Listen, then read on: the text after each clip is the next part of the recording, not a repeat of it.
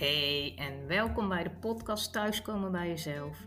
Ik ben Ilona en ik neem je via thema's als identiteit, verlies en geloof mee op mijn innerlijke zoektocht. Voor mij werkt dat het beste buiten, in de natuur.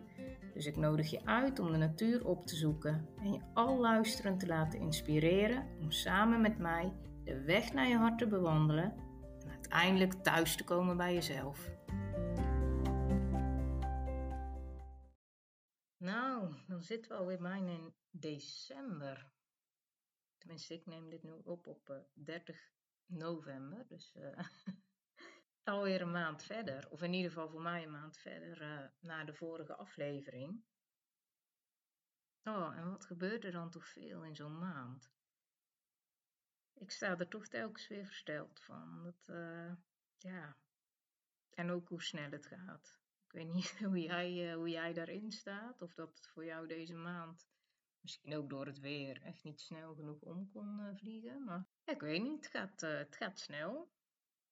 En dan mocht ik ook weer een jaartje ouder worden. Ook dat is voor mijn gevoel heel snel gegaan. het is niet dat ik er veel aandacht aan besteed. Dat heb ik al jaren niet.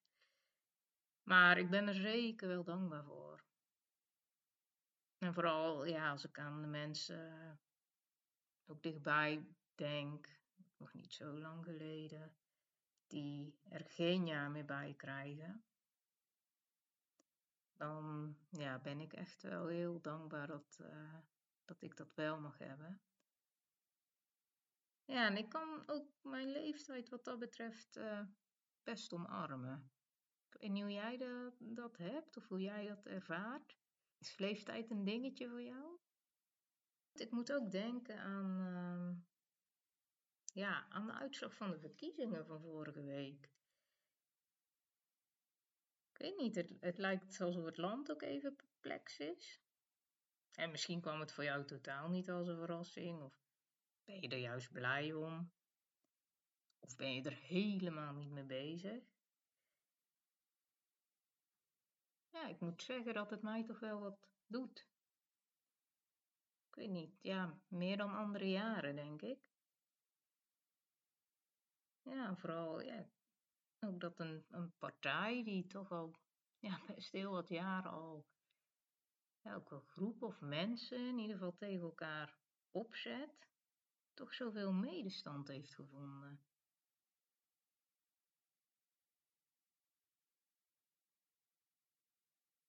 En ja, Kijk, nu is het echt niet dat ik er veel last van heb hoor, dat ik een andere afkomst heb.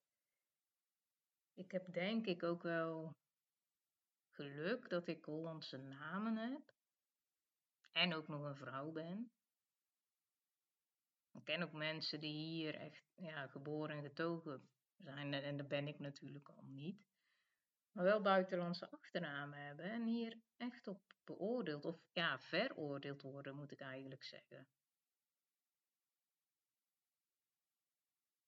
Ik heb ooit eens een, uh, op Facebook een, uh, stukje van een brief gepost, die een vriendin van mij kreeg. Een vriendin met de buitenlandse roots. Maar zij is wel hier geboren en ze kreeg een brief van het ziekenhuis. En er stond een aantekening in of ze wel een tolk mee wilde nemen, zodat het gesprek, uh, het gesprek wat makkelijker zou verlopen. Ja, ik, toen dacht ik echt, oké, gebeurt dit nog in Nederland? Maar het gebeurt dus echt. Kijk, en ik, ik snap het ergens wel dat, uh, hè, dat het lastig is als mensen met een andere afkomst in zo'n gesprek gaan zitten. En, maar dat al vanuit gaan op basis van een achternaam lezen. Nou ja, goed, we hebben heel de, de toeslagenaffaire natuurlijk ook meegekregen, dus het is niet, uh, niet nieuw. Maar um, ja, het gaat dus zo. En ja, weet je, het is ook niet voor te stellen als je er nooit ja, mee te maken hebt gehad. En ook niet wat dit met iemand doet. Wat dit van binnen doet. Ik weet dat ik ook nooit als volledig Nederlander aangezien zal worden. Ondanks dat het wel in mijn paspoort staat. wanneer ben je eigen volk? Zoals ik zo vaak mensen dat hoor zeggen. Eigen volk eerst. Een uitroep die zo snel wordt gedaan, maar waar niet altijd over, ja, tenminste naar mijn idee niet zo over nagedacht wordt. En hoe zie je aan, aan de buitenkant of, of iemand tuig is, zoals meneer Wilders het zegt? Oh, echt. Ik heb deze discussies ook regelmatig gehad, zelfs bij schoonfamilie. Als ze het bijvoorbeeld hadden over die buitenlanders. En dan heb ik het over mensen die eigenlijk buiten mij om nauwelijks met mensen van een andere afkomst te maken hebben. Maar als ik dan vroeg hè, of dat dan voor mij ook telt, al die, die, die uitroepen die ze dan doen, dan was het ineens nee, zeker niet. Maar als het gaat over mensen die hier geboren zijn, hè, die als eigen volk beschouwd worden, dan val ik daar niet onder. Ik had het hier pas met vrienden over. Het was wel grappig, want zonder dat we het van elkaar wisten, hadden we de, de documentaire van de afval-Chinees uh, gekeken. Het is van de NPO 3, mocht je het uh, nog interessant vinden. Het is een persoonlijke documentaire en die gaat over de effecten van adoptie op geadopteren. En iemand uit die documentaire gaf ook aan: ja, ik, ik ben niet thuis in, in China, ik ben niet thuis in Nederland, ik ben nergens thuis. En ik voel, ik voel niet alles hoor, zoals het in de documentaire wordt benoemd ik ben het niet met alles eens, laat ik het zo zeggen. Maar die uitspraak raakte mij wel. Want voor mij voelt dit stukje ook zo. Ik, ik legde dit ook uit aan mijn vrienden. In, ja, in Sri Lanka hoor ik niet. Ik ben er wel geboren, maar ik ben er niet opgegroeid. Ik heb geen emotionele band met mensen daar. Ik ken de gebruiken niet en ja, ook de mensen daar zien aan mij dat ik, dat ik er niet ben opgegroeid. Ja, eigenlijk dat ik er niet meer hoor. En in Nederland zal ik ook nooit als volledige Nederlander gezien worden. Ik kan er heel mijn leven wonen, of bijna heel mijn leven, en hè, de taal vloeiend spreken, gebruiken kennen, meedraaien in de maatschappij, maatschappelijk meedraaien, bijdragen. Ja, en toch zal ik voor een buitenstaander, in ieder geval, nooit als volledige Nederlander worden aangezien. En ik zeg voor een buitenstaander, want ja, natuurlijk is het voor mensen die mij kennen anders. Zij zien mij gewoon als Ilona. En je zou zeggen, zo zou het toch voor iedereen moeten zijn. jij bent. Ja, puntje, puntje, plak je namen maar op. Maar goed, ja, weet je, toch is het mens eigen om dingen te, te willen plaatsen. We willen vanuit ons oerinstinct weten in welke groep, in welke categorie we iets moeten indelen, ook om ons veilig te voelen. En pas als we weten of uh, ja, wat iets is, of als we iemand kennen, ja, dan kunnen we dat beeld ook weer aanpassen. En, en dit gebeurt gewoon automatisch. Dus ja, weet je, ik ga daar ook echt niet dramatisch over doen. Maar ja, er was een tijd dat ik dat wel echt als nou ja, dramatisch ervaarde. Toen voelde het diep van binnen echt zo leeg, alsof ik nergens thuis hoorde.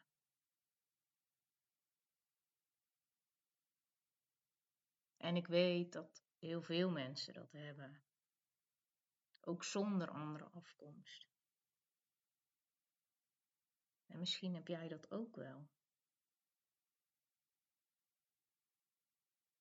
En dan vind ik dat echt heel erg voor je. Want weet je, het is een van de grootste basisbehoeften die we als mens hebben. Wilt ergens thuis zijn. Wilt erbij horen, gezien worden.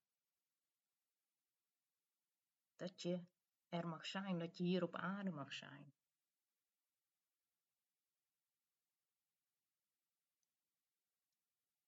Soms is er zo'n geschiedenis van afwijzing, al vroeg in het leven opgebouwd of, of pas later, misschien heel recent. En de boodschap die jij ingeprent hebt gekregen is dat je er niet mag zijn, er niet toe doet. Of dat jouw gevoelens er niet toe doen. Kom op, door, niet aanstellen. Gewoon even een klein voorbeeldje van zo'n boodschap. En ja, daar ga je naar leven. Dat heb ik al vaker verteld in andere afleveringen ook. Hè. Zo, zo ging ik bijvoorbeeld alles in het werk stellen om te bewijzen dat ik wel op deze aarde rond mag lopen. Ik zou niet te hard opvallen in gedrag. Want ja, mijn uiterlijk trok al te veel aandacht. Hard leren, hard werken, anderen pleasen, tot ver over mijn eigen grenzen.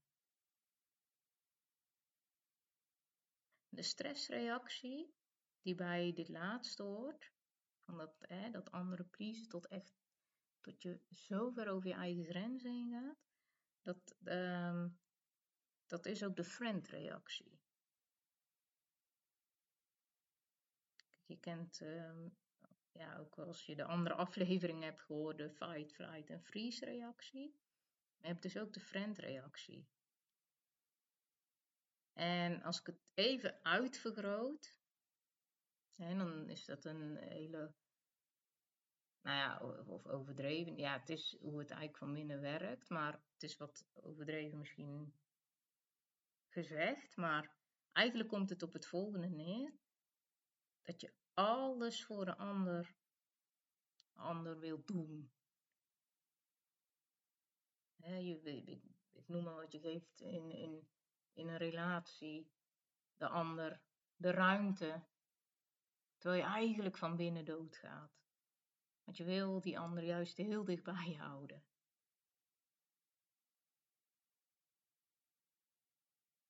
Is dit herkenbaar?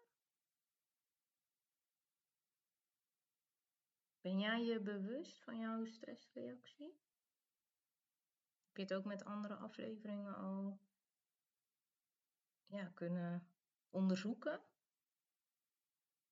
En deze kunnen per situatie echt anders zijn hoor. En zelfs in een situatie kunnen ze elkaar afwisselen. Ik ging bijvoorbeeld in een relatie die op klappen stond of eigenlijk al over was. Van vechten naar vriend naar floppy. En dat laatste is dat je eigenlijk, ja, bij floppy, ja, je, je zakt eigenlijk eh, als een flop, hè, je zakt in elkaar. Als, als een soort van plumpudding. Je hebt, je hebt alles uit de kast getrokken en niks, niks werkt of niks helpt. En dan geef je het eigenlijk op. Want het haalt niks uit. Ik blijf het misschien herhalen, maar het is zo belangrijk en zo goed om je bewust te zijn van, van je stressreactie. Dat geeft jezelf echt inzicht, maar ook begrip voor gevoelens en emoties die ja, die, die voor je gevoel ineens op kunnen komen. En dus ook jouw reactie hierop. Terwijl als je hè, wat meer van jouw stressreactie weet, ja, dan is dat gedrag niet eens altijd zo gek. Of dan komt het niet eens zo uit de lucht vallen. Want dat komt ergens vandaan. Kijk, en het is niet dat het daarmee weg is, maar je kunt het beter plaatsen. En je kunt er anders naar gaan kijken. Ik ben nergens helemaal thuis. En toch voel ik me wel thuis. Thuis bij mezelf. Thuis met wat ik om me heen heb uh, opbouwen. In, in relaties, in werk, noem het maar op. Maar ook dieper. Echt thuis in mezelf. Daar waar mijn levenskracht ook zit.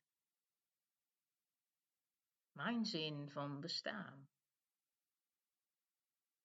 En ja, voor mij is de belangrijkste basis daarin wel echt mijn geloof. Waardoor het echt wel zo diep geworteld is. Maar dat wil niet zeggen dat die stressreactie nooit meer opkomt. Nee, ja, was het maar zo'n feest. Oh, dat zou betekenen dat ik nooit onder druk sta. Dat er nooit stress is. Nou, dat zou toch lekker zijn, hè? Als je gewoon nooit stress zou hebben in je leven. Maar goed, ja, jij en ik weten, helaas zit het leven zo niet in elkaar, voor niemand. Dus ja, het kan mij ook nog steeds overvallen. En dan zit ik ineens weer in die, die, nou ja, die bubbel van afwijzing en onzichtbaarheid. Maar het verschil nu is dat ik weet waar het vandaan komt. En heel belangrijk ook hoe het anders kan voelen.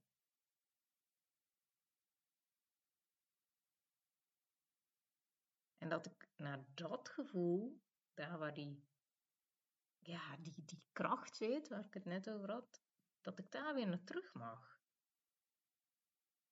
En jij ook. Vanuit die kracht heb je zo'n andere kijk op de, nou, op de wereld, op, op jouw wereld.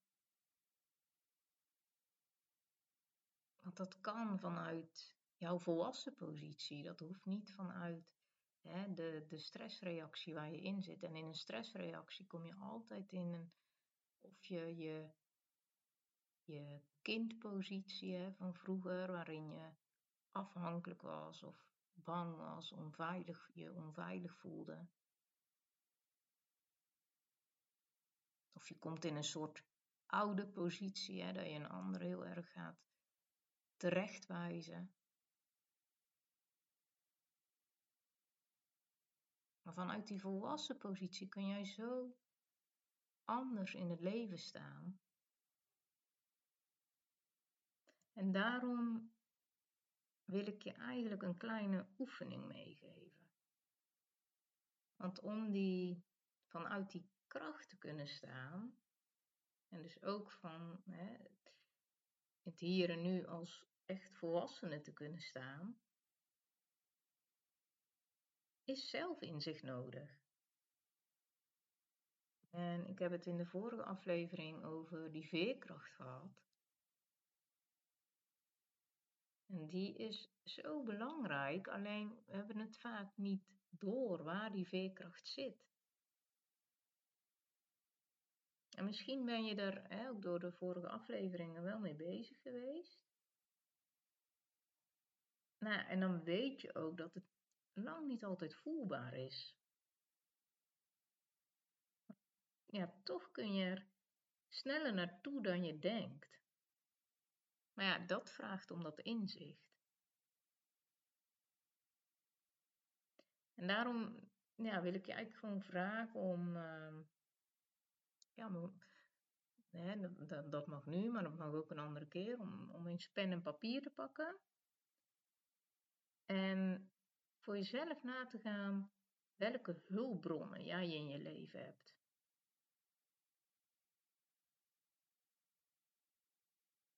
En dan mag je je afvragen van, ja, waar ontstress ik nou eigenlijk door?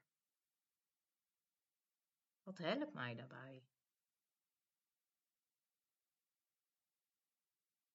En even voor de duidelijkheid, hang er geen oordeel aan of het goed of slecht is. al, al, eet jij een zak chips leeg of drink jij uh, sterke drank na een stressvolle dag, om maar niet door te draaien, ja, dan ben ik de laatste om tegen jou te zeggen dat dat echt niet kan. Het is puur dat jij voor jezelf helder krijgt wat jouw hulpbronnen zijn. En in hulpbronnen,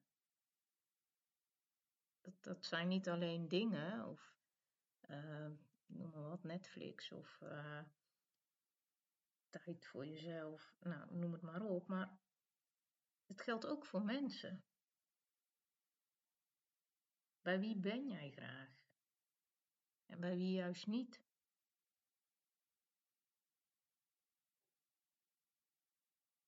Schrijf het gewoon maar eens op. Begin maar eens met schrijven en, en vul het aan hè, door de tijd heen.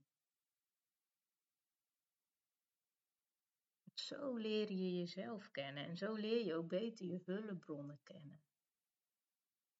De hulpbronnen die jou ja, helpen om jouw stress te, te reguleren, te verminderen. Die jou naar meer ontspanning kunnen brengen. Echt, leer jezelf kennen. En kom zo ook steeds meer thuis bij en in jezelf. Ik hoop ook binnenkort een, uh, een wandeling te organiseren. Ja, waarbij ik eigenlijk ook hier eh, op dit stukje meer aandacht aan besteed. Maar goed, dan moet wel het weer een beetje mee gaan werken. Want ik, uh, ja, wil het je niet aandoen om in die uh, ja, gigantische regenbuien te gaan lopen. Maar ja, houd vooral um, ja, of mijn, mijn social media in de gaten. Um, of schrijf je in voor de nieuwsbrief. Dat kan uh, via mijn site. Of, of, stuur me even een mailtje via info.issue.nl. Uh, zodat je op de hoogte kan blijven. En ja, wie weet zie ik je dan. En voor wat de podcast nu betreft, uh, zeg ik uh, tot de volgende aflevering.